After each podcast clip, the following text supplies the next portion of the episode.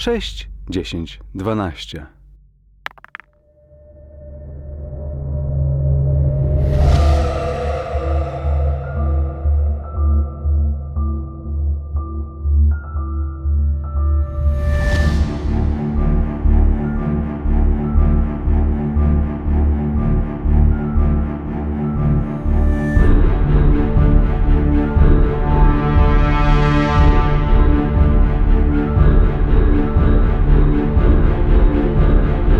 Sześć, dziesięć, dwanaście przedstawia wymiar Y.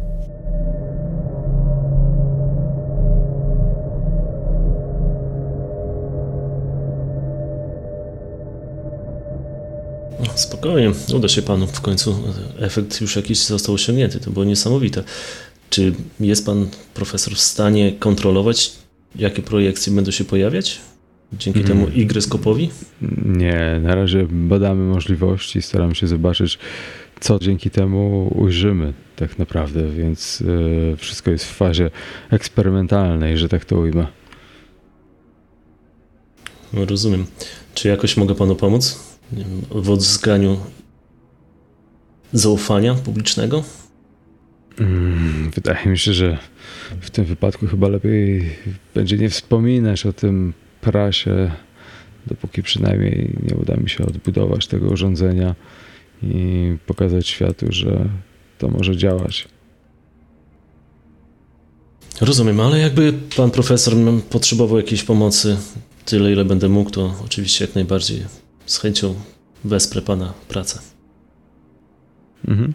E, No, profesor jakby przeprasza was wszystkich i e, ewidentnie pokaz jest już zakończony, więc jeżeli mm, nie macie nic innego do dodania, to wygląda na to, że profesor mm, prosi was o e, niewymownie mm, o, już o opuszczenie. No, ewidentnie jest przybity tym David się rzucił i coś tam stara się naprawiać. e, Polton, coś z nim gestykulując, pyta się go o różne rzeczy, ale nie jesteście w stanie usłyszeć detali. Panie Vincenzo, odwiezie nas pan? Tak, oczywiście. E, Jeszcze zanim wychodzę, to e, idę do profesora i, i ściskam mu dłoń na pożegnanie i mówię, że mam nadzieję, że następnym razem jak się spotkamy, zobaczymy coś więcej niż kwadrat.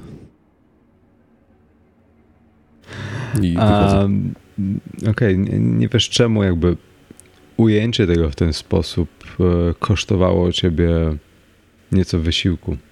A, Nadal masz w głowie ten obracający się sześcian i, i czujesz, że to nie był tylko kwadrat, to, to było oczywiście coś więcej. Tego typu sprowadzenie do, do, jakiejś trywialnej rzeczy, aż nawet tobie wydaje się być nie na miejscu, ale ewidentnie starasz się grać do swojej bramki. A powiedzcie mi proszę teraz, powiedzcie mi w momencie, kiedy już wracacie wieczorem do domu, bo jest wieczór, powiedzcie mi, jak wygląda wasz czas e, właśnie wieczorny, kolacja. E, Co zawiera ważnego z waszego życia? Czy to jest rodzina? Czy udajecie się ze znajomymi na kolację? E, Dajcie mi, pokażcie mi jakąś ważną rzecz w waszym życiu, która się toczy codziennie, do której można by było się odnieść. Mój wieczór wygląda następująco. Siadam, jestem pod ogromnym wrażeniem, mimo tego, że nie do końca wierzę w to, co widziałem. Y, Siadam z papierosem, ze szklanką jakiegoś alkoholu. Siadam przy maszynie do pisania i zaczynam opisywać całość tego zdarzenia. Staram się dokładnie ubrać w słowa to, co widziałem i to, co jest nie do opisania, jakoś ułożyć w konkretne zdania. A później samotnie w łóżku przy kolejnym papierosie, przy kolejnej szklance biorę książkę i czytam Ernesta Hemingwaya. E, No u mnie wieczór wygląda tak, że e, jak wracam jakby samochodem gdzieś tam w okolicy swojego mieszkania, to zawsze próbuję w nim coś tam grzebać, coś ponaprawiać, coś pousprawniać i tak dalej ale jakby dzisiaj po całym tym, po całej tej projekcji nie mogę się na niczym skupić, więc po prostu wracam do domu i, i próbuję zasnąć, ale no to, to mocno nie wychodzi. I prawdopodobnie jutro rano będę niewyspany. Wracam do mojego zatęchłego mieszkanka w pobliżu centrum miasta. Już od progu krzyczę, jakie niesamowite rzeczy dzisiaj widziałem. Raportuję e, drogiej mamie, która, która jest chora, która leży w łóżku. Po wylewie nie jest już tą samą osobą, którą była wcześniej. E, mimo wszystko wydaje mi się, że kiedy do niej mówię, ona, ona słucha. Kiedy mnie nie ma, zajmuje się nią wynajęta pielęgniarka. Ja Staram się w wolnym czasie pisywać opowiadania, które są bardziej moją pasją niż, niż czymś, na czym mogę zarobić realne pieniądze. Mm, tym drugim i najważniejszym środkiem do zdobywania pieniędzy są drobne artykuły, które pisuję do różnych gazet, często jako typowy freelancer. Między innymi właśnie tak spotkałem Archibalda na swojej drodze. Opowiadam mamie, jak wyglądał mój dzień, co widziałem w domu Poltona. Później szykuję jej kolację, sam coś jem.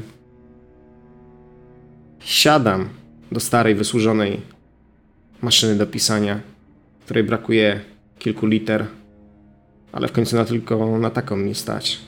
Kiedyś zarobię i wymienię ją na lepszą, ale w chwili obecnej trzeba dopisywać literki Z, literki H.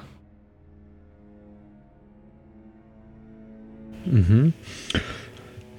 Dobra, więc e, w końcu idziecie już do łóżka. Powiedzcie mi, jaką mamy porę roku, bo tego żeśmy nie sprecyzowali.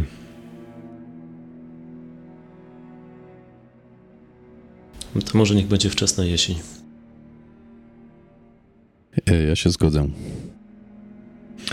Dobrze. Okej, okay, więc e, jest wczesna jesień, jest to ta pora, kiedy noce już są chłodne, ale jeszcze można spać przy otwartym oknie i cieszyć się resztkami ciepła, które falami przechodzą, aczkolwiek w wiecznym e, mieście jednak ten chłód przychodzi nieco wcześniej niż zawsze. E, Vincenzo, e, kiedy idziesz spać, właściwie wszyscy, kiedy idziecie spać, macie sny, które nie są dobrymi snami. Są te są typy snów, które budzą was z wrzaskiem w środku nocy, ze spoconą poduszką i mokrą koszulą na grzbiecie.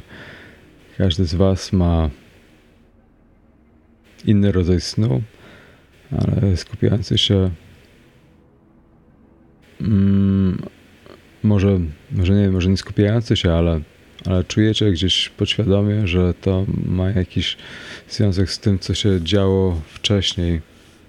Mm, ponieważ nigdy tego typu koszmary wam się nie przytrafiały, a ich intensywność jest nad wyraz e, mocna, więc Vincenzo, mm, masz koszmar, kiedy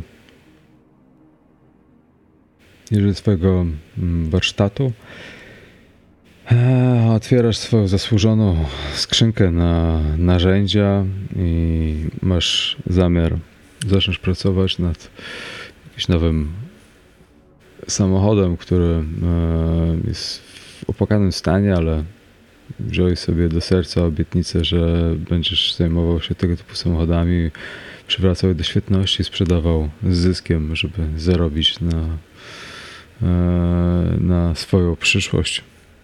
Mm, ewidentnie sprawdzasz, e, jak sobie radzi ten nowy nabytek. Po odpaleniu samochodu coś zaczyna ciec z pod maski, coś się wylewa. Jesteś nieco zaskoczony, wyłączasz silnik, podchodzisz do przodu i widzisz, że ze szpary pomiędzy samą maską a budową, mm, tam gdzie powinien znajdować się silnik, mm, płynie jakaś ciecz. Wydaje ci się, że jest to smar, ponieważ e, jest ciemnego koloru i przy słabym świetle nie jesteś pewien. Dotykasz i czujesz jakąś taką niepewność. Ale po dotknięciu się, że tak, to jest smar.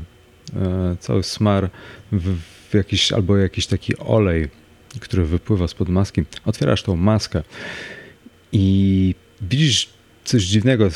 Samo wnętrze pod maską wygląda jak pulsujące, pulsująca jakaś istota, która tak jakby zamiast silnika miała serce, które jest pod postacią sześcianu, który się kręci i tak jakby generuje większą ilość płynu.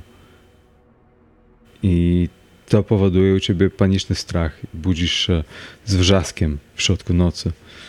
E, do rana jest ci już naprawdę ciężko usnąć.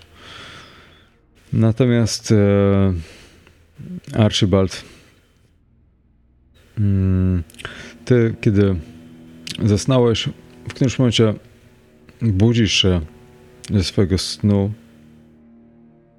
który jak zawsze nie dał ci za dużo wytchnienia i być może obudziłeś się, bo właśnie po raz kolejny przyparzyłeś sobie palca mm, popiołem z papierosa, który trzymałeś zasypiając na łóżku i obiecałeś sobie, żeby już tego nigdy nie robić, bo już słyszałeś o tych wszystkich frajerach, którzy spłonęli w pożarze, ale ty oczywiście nie jesteś frajerem. Wstajesz, żeby wziąć kolejnego papierosa, załatwić się i dolać sobie trochę whisky i suszyć się niezmiernie. Eee, I podchodzisz do maszyny do pisania, mm, na której pisałeś zeszłego wieczora. Rzuć okiem, co tam mm, napisałeś. Może po lekkim śnie będzie ci łatwiej zredagować czy objąć umysłem, krytycznym wzrokiem, popatrzeć na te kilka słów, które udało ci się wklepać. Eee, ale ku twojemu zaskoczeniu widzisz kilka słów, które eee, są na tej stronie i te słowa brzmią to nie ma sensu na, na jednej stronie to nie ma sensu. Wyciągasz kartkę, patrzysz się, e, przyglądasz stos kartek, które e, leżą obok maszyny i wszędzie jest napisane to nie ma sensu.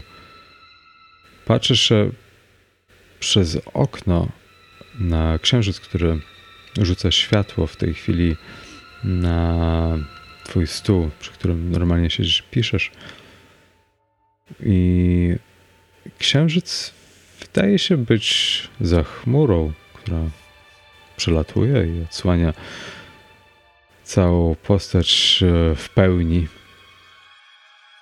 I nagle się orientujesz, że księżyc jest okiem, które otwiera się i patrzy się w twoim kierunku.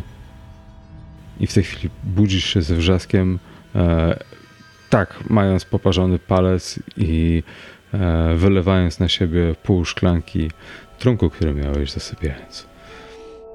Mm. Natomiast Edmund, ty idziesz spać i budzi cię telefon ze snu.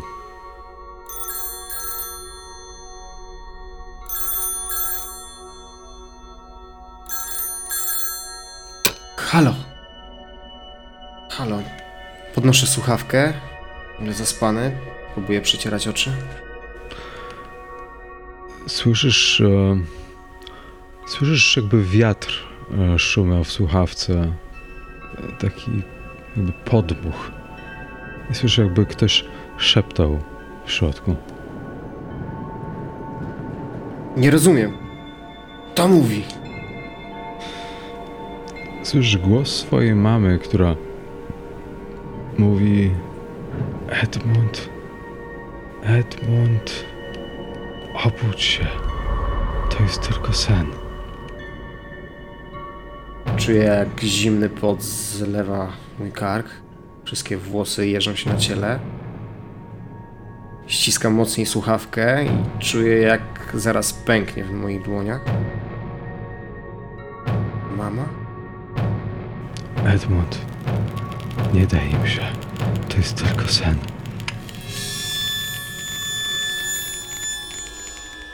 Suwam słuchawkę od ucha, patrzę na nią i, i nie wierzę w to, co się dzieje. I widzisz, e, w momencie kiedy odsuwasz, to nagle widzisz, że w słuchawce głośnik od słu- słuchawki, taki okrągły element, jest okiem, które mruga, patrzy się na ciebie i widzisz to dosłownie przez ułamek sekundy. I e, budzisz się zlany potem. Jest środek się nocy. natychmiast z łóżka, patrzę najpierw na telefon. Widzę, że słuchawka leży na swoim miejscu i, i rzeczywiście to był tylko sen, ale mimo wszystko zrywam się z łóżka i czym prędzej biegnę w stronę pokoju matki, zobaczyć, czy z nią wszystko ok. Mama śpi, a no jak zwykle przez sen rzęzi trochę, ale wygląda na to, że nic się z nią nie dzieje. Ciężko oddycham, ale przymykam drzwi delikatnie, żeby nie obudzić jej. Idę do kuchni. Czuję, że już nie zasnę. Parzę herbatę, coś, coś na uspokojenie. Przeglądam szafki, jest tutaj jakaś mięta, jakieś zioła. Mhm. To oczywiście robisz sobie herbatę i trzymając kubek doczekujesz już pierwszych promieni słońca i poranka. A, dobra, powiedzcie mi, kto ma w zwyczaju z was czytanie gazety samego rana? Mm, Zakładam, że na pewno Archibald. Tak, na pewno, tylko że problem jest taki, że e, zastał mnie świt siedzącego na podłodze ze szklanką alkoholu, z popielniczką z masą kipów już się wysypujących, a dookoła mam rozłożone kartki, które zapisałem poprzedniego wieczoru i z każde słowo po kolei studiowałem, także ten poranek aktualnie nie jest taki jak zwykle i dopóki nie pójdę do pracy, to podejrzewam, że gazety nie będę czytał. Okej, e, oczywiście to, co zapisałeś poprzedniego wieczora jest nie tym, co czytałeś w, przez sen, więc... Ale i tak dokładnie wszystko, każdą kartkę, każde słowo analizuję, czy co ja w ogóle tam napisałem. Sam, sam zaczynam się zastanawiać. Teraz to, co się wydarzyło u profesora, zaczyna jakoś tak mi uciekać z pamięci. Mimo tego, że wiem, że coś było dziwnego, to i tak zaczynam w to nie dowierzać. A, dobra, więc powiedzcie mi w takim razie, kto rano kupił pierwszy gazetę i przeczyta dosyć nietypową wiadomość.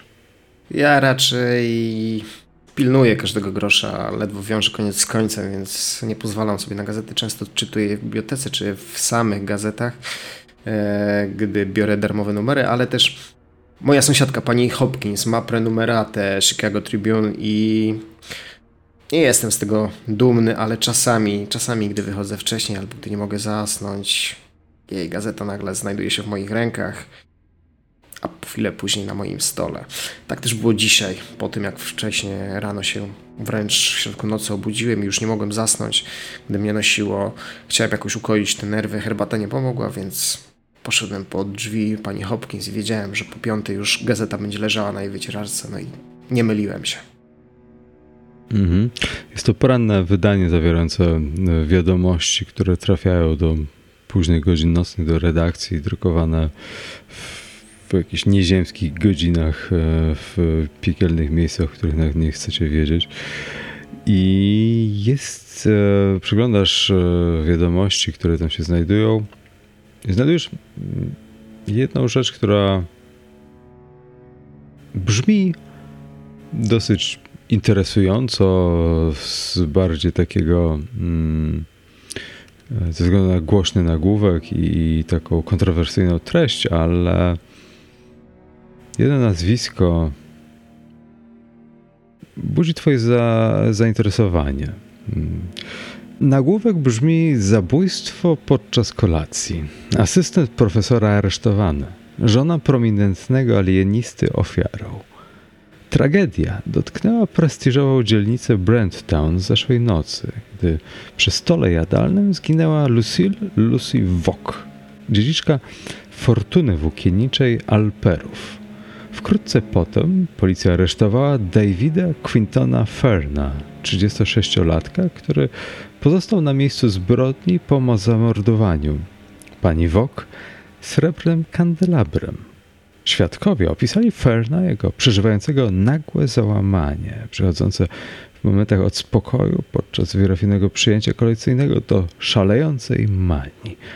Morderstwo miało miejsce domu doktora i pani Wok, doktor Otto Wok, jest znanym alienistą, administratorem sanatorium Springhaven i autorem popularnej książki Granice ludzkiego umysłu. Policja opisała Ferna jako współpracującego.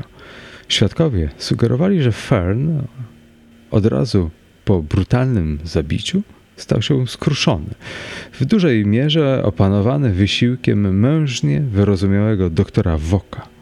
Fern zostanie oskarżony jeszcze dzisiaj.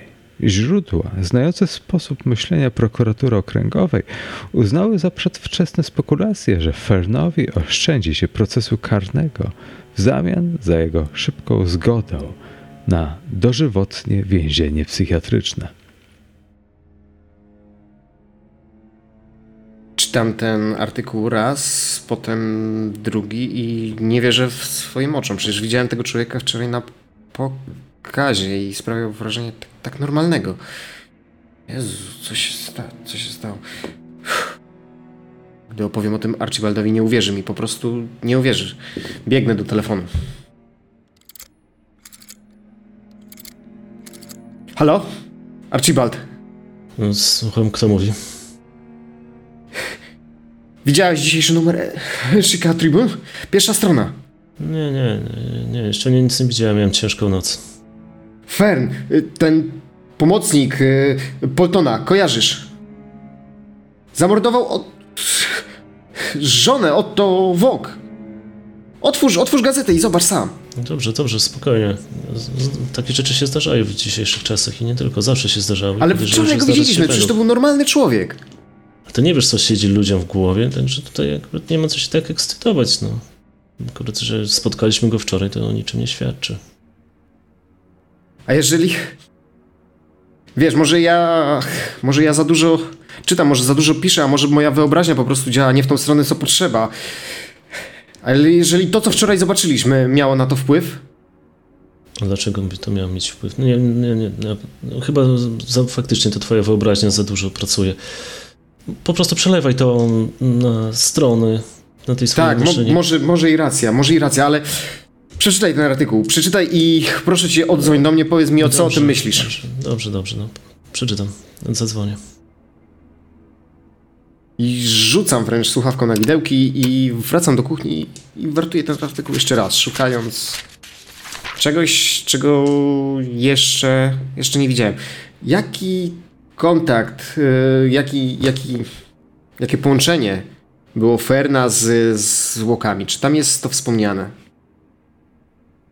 W samym artykule nie.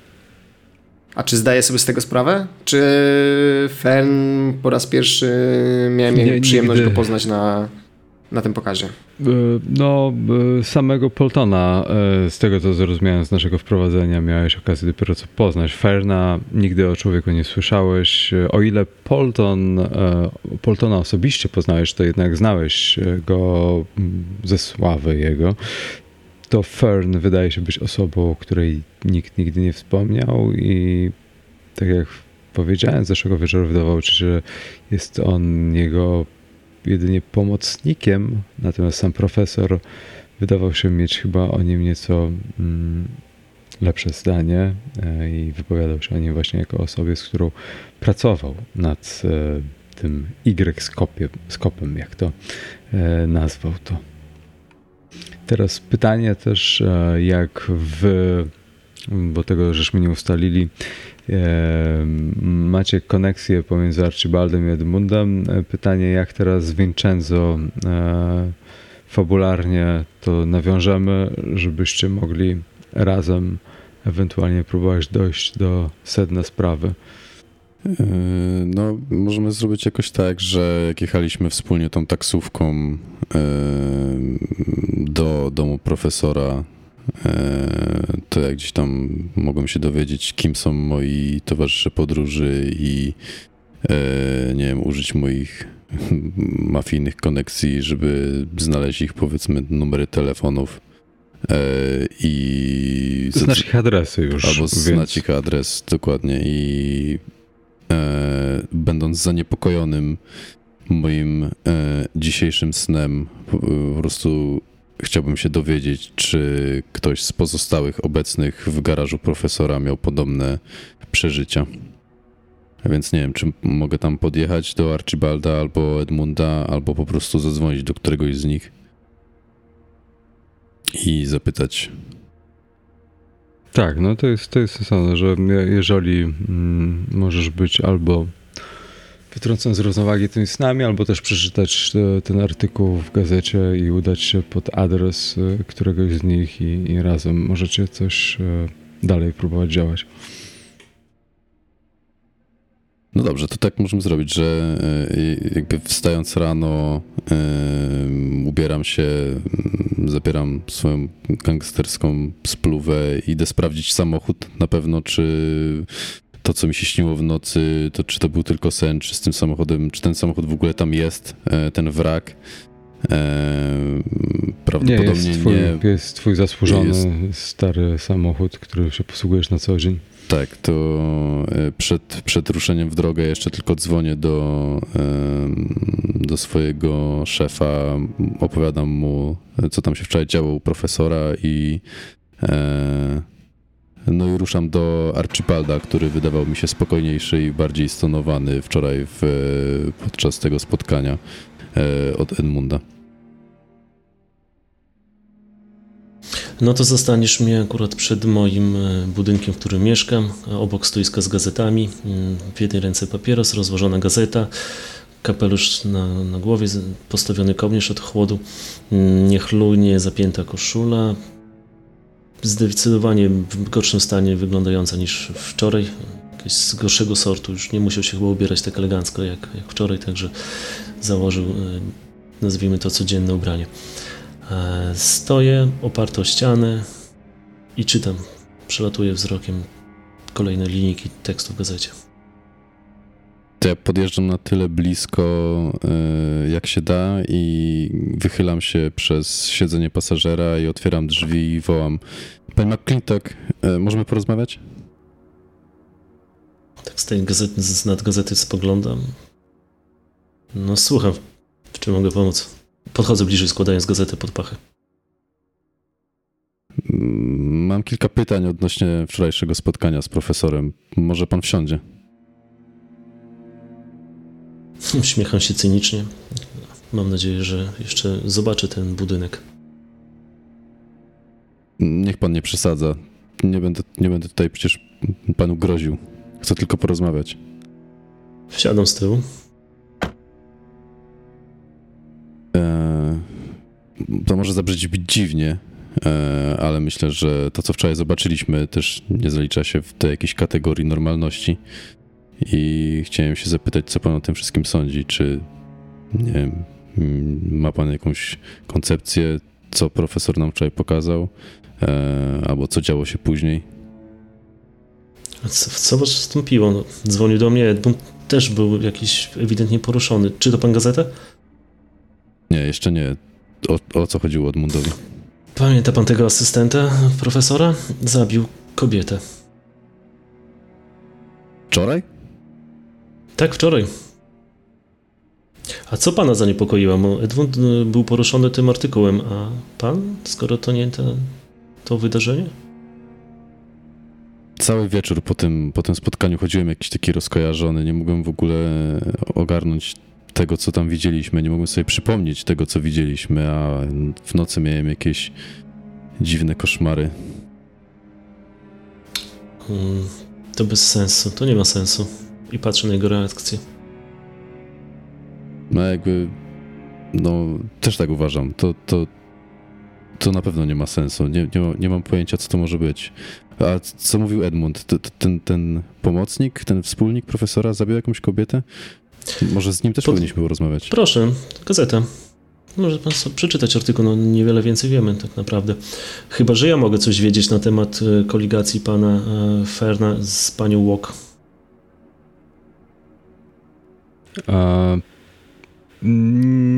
Nie, Fer, tak jak powiedziałem e, Edmundowi, ty również e, Ferna nie znasz.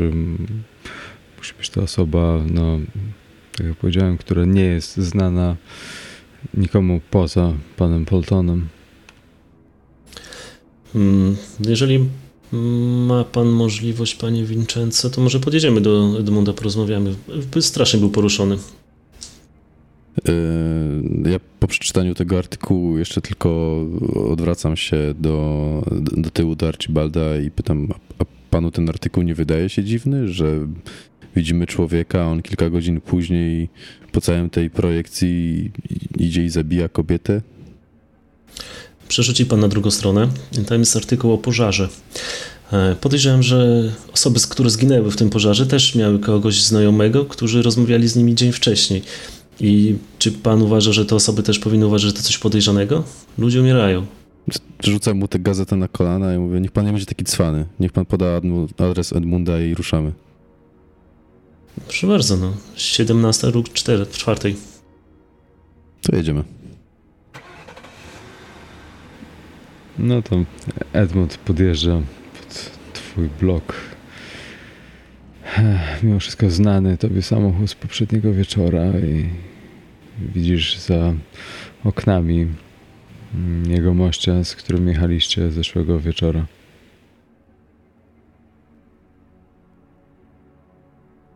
Wiem, że pani Connery będzie dopiero za godzinę, dwie, tak się przecież umawialiśmy, zresztą ona też nie może wpadać na dłuższy czas, opiekować się mamą, ale idę do sypialni matki, e, gładzę ją po policzku, mówię, że, że pani Elizabeth zaraz będzie, ale ja już muszę iść do pracy. Całuję ją w czoło, ona tylko chrząka niewyraźnie. Wybiegam do przedpokoju, zakładam płaszcz, Zbiorę w garść jeszcze tą gazetę z poranka i zbiegam szybko na dół. Chcąc, nie chcąc, chyba, chyba chcę się podzielić swoimi przemyśleniami i odczuciami względem wczorajszego wieczoru, względem tego, co dzisiaj przeczytałem. Może niekoniecznie z Vincenzo, ale z Archibaldem to już zdecydowanie.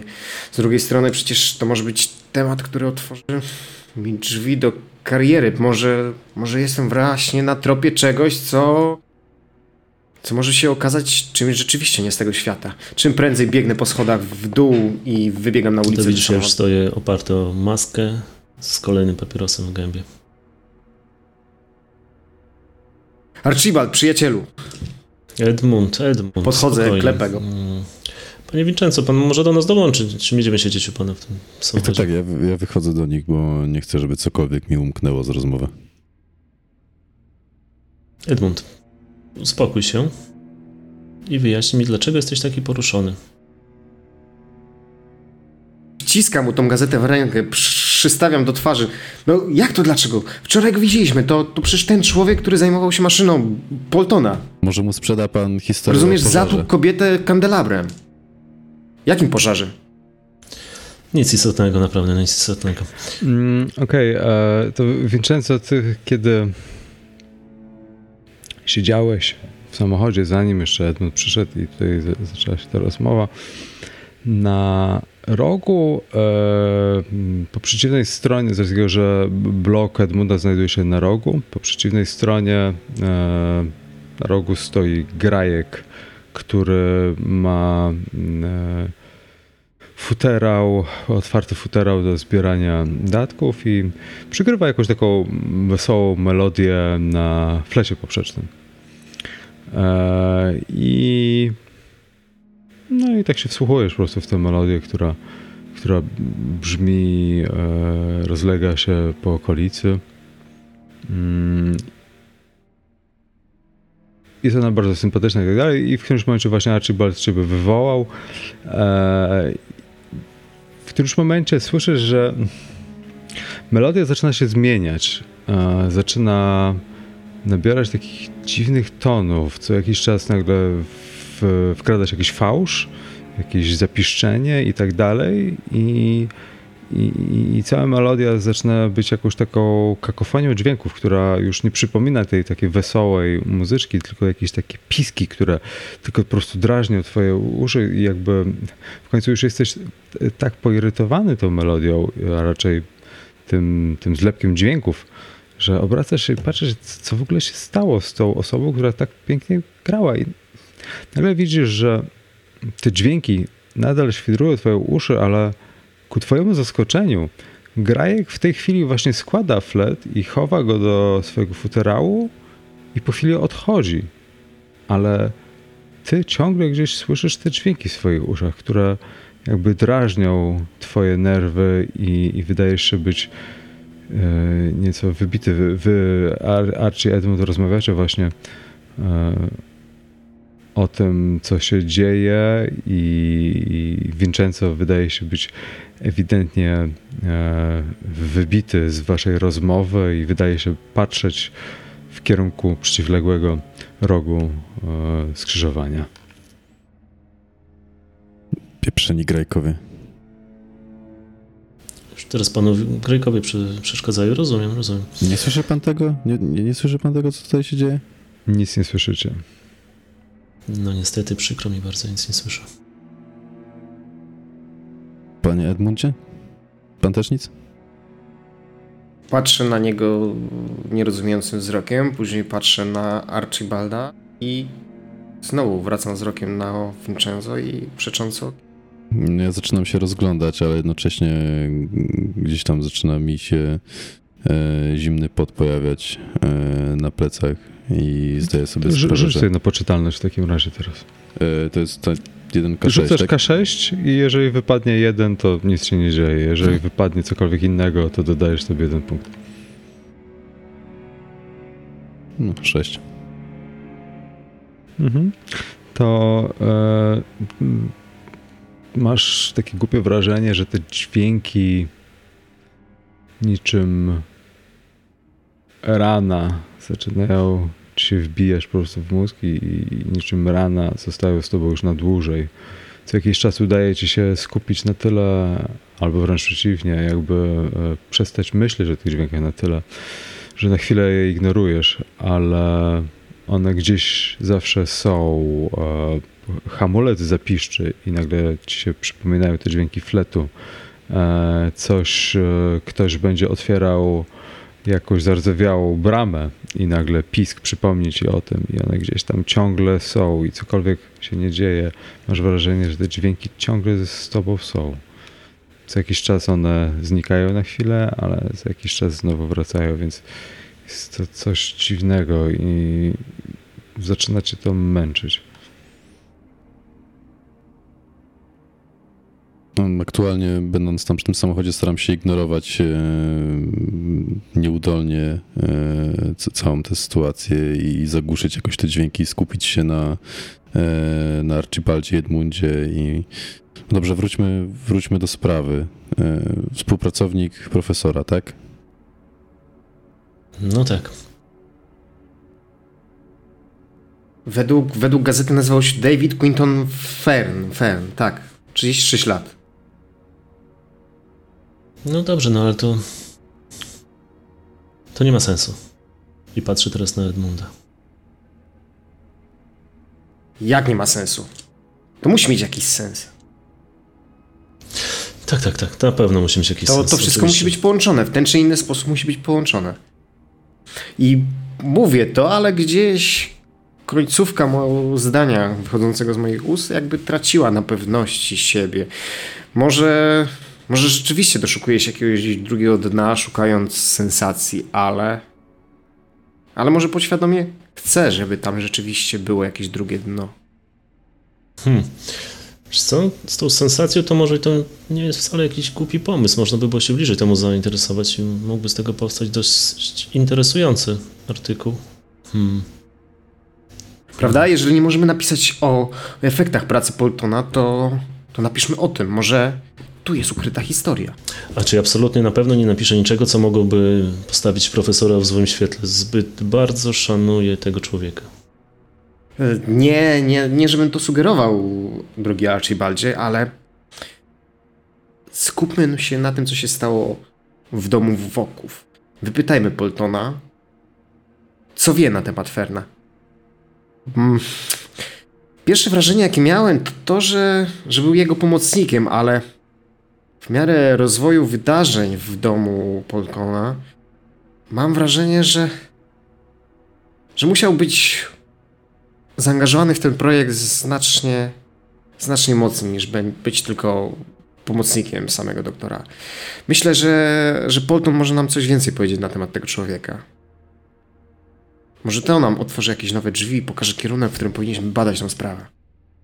Tak, ale też można by było, i tutaj bym się w tą stronę przychylił, porozmawiać e, z autorem tego artykułu, ponieważ jest dość lakoiczny. Z niego niewiele wynika, oprócz tego, że zabił. Czy tam były jakieś powiązania, czy się znali, czy po prostu przyszedł do domu i zamordował? To są takie dosyć interesujące Słuszna rzeczy. uwaga, słuszna uwaga. Panie McClintock, pan zna tego autora? To chyba pańska gazeta. Tak, znam. Znam. E, Znam też, e, oczywiście tylko i wyłącznie z widzenia, parę razy rozmawiałem z nim, e, policjanta prowadzącego tę sprawę. No dobrze, możemy, możemy zapytać autora, chociaż osobiście uważam, że profesor też byłby, byłby nam w stanie coś więcej powiedzieć. W końcu pracowali nad tą, nad tą maszynką dość długo. Uparcie stoicie na stanowisku, że to ma cokolwiek wspólnego z wydarzeniami z dnia wczorajszego. Panie Edmundzie, a pan nie miał żadnych koszmarów? Dlaczego miałbym mieć koszmary? Nie wiem, nie wydawało się panu coś dziwnego w tej całej projekcji u profesora? Jak, jak zachowywali się ludzie? Nie no, projekcja oczywiście, tak, tak, ale koszmarów? To nieważne. Jedźmy do I gazety. słyszysz w moim głosie, że mimo, że zaprzeczam, to, to raczej jesteś pewien, że coś przeżyłem poprzedniej nocy. Ja jakby mm, nie, nie będę naciskał. E, nie chcę mówić to nie. E, rzucam tylko, że nieważne i w takim razie jedźmy sprawdzić e, ten źródło tego artykułu i porozmawiać z tym autorem. Czyli udajecie się do, do redakcji głównej, tak? Tam, gdzie pracuje Archibald. Tak.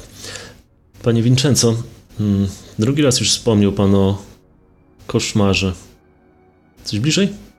Mówiłem panu już wcześniej, że cały czas po, tej, po tym spotkaniu czułem się jakoś nieswojo, nie mogłem, nie mogłem wyrzucić tej, tej projekcji z głowy, a wydaje mi się, że to ona wywołała u mnie ten koszmar. E, Nie wchodząc w szczegóły, śniło mi się coś bardzo podobnego, a przynajmniej tak mi się wydaje do tego, co widziałem u profesora i no nie wiem, jest to dość niepokojące.